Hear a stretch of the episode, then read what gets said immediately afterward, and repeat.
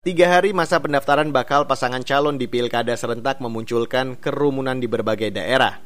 Banyak kandidat baik dari petahana maupun penantang gagal mengelola dan mengarahkan pendukungnya agar mematuhi protokol cegah COVID-19.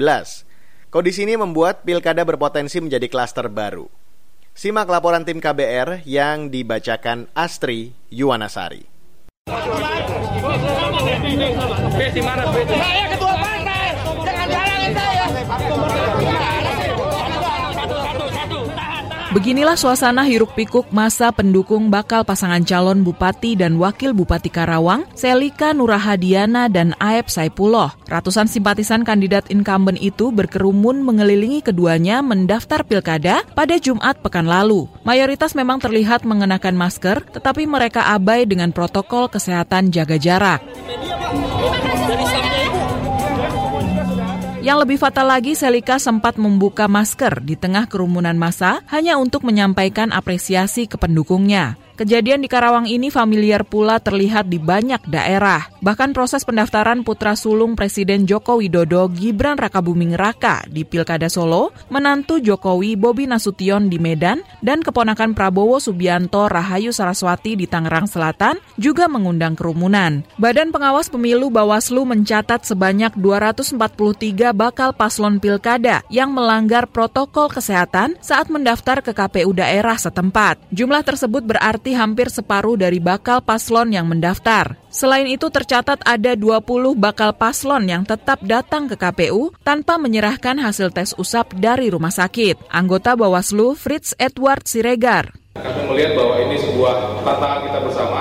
Kita sepakat untuk melaksanakan pilkada pada tahun 2020, tetapi proses pendaftaran tadi sudah disampaikan oleh Pak Ketua KPU ada 687 paslon dan hampir setengahnya 243 itu tidak mematuhi kepada protokol protokol kesehatan pada saat datang ke kantor KPU.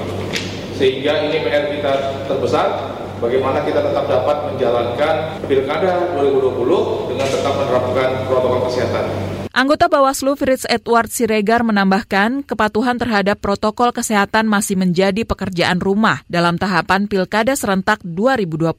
Fritz meminta ketegasan dari penegak hukum, pemerintah, hingga Satgas Penanganan COVID-19 di daerah untuk menindak tiap pelanggaran. Kementerian Dalam Negeri mengklaim sudah menindak pelanggaran tersebut dengan memberikan teguran ke lebih dari 50 calon kepala daerah. Dirjen Politik dan Pemerintahan Umum Kemendagri Bahtiar mengatakan perilaku para kandidat tersebut terutama incumbent tak mencerminkan keteladanan selayaknya pemimpin. Kami sendiri Kementerian Dalam Negeri per hari ini teman Pak Dirjen Oda juga sudah menegur itu kalau tidak salah 51, satu gubernur 50 bupati. Jadi hukum protokol kesehatan ini berlaku pada siapa pun gitu. Nah apalagi kalau dia petahana mestinya dia jadi contoh dong menerapkan protokol kesehatan. Bahtiar memastikan pengawasan juga dilakukan di tiap tahapan tahapan pilkada seperti kampanye. Ia mencontohkan acara konser deklarasi calon wakil bupati Pohuwato yang langsung mendapat teguran. Menurutnya, pelanggaran semacam ini semestinya ditindaklanjuti oleh Bawaslu dan penegak hukum. Contoh yang sudah ditegur oleh Pak Gubernur Gorontalo kan Pak Uhato itu yang ada joget itu kan, ada nyanyi-nyanyi itu dan ditegakkan dan bukan hanya ditegur, kemungkinan nanti ada proses lanjutan ini dari Bawaslu. Di sisi lain, Bahtiar mengapresiasi beberapa bakal paslon yang tertib menegakkan protokol kesehatan saat melakukan pendaftaran. Kita contoh saja misalnya kemarin di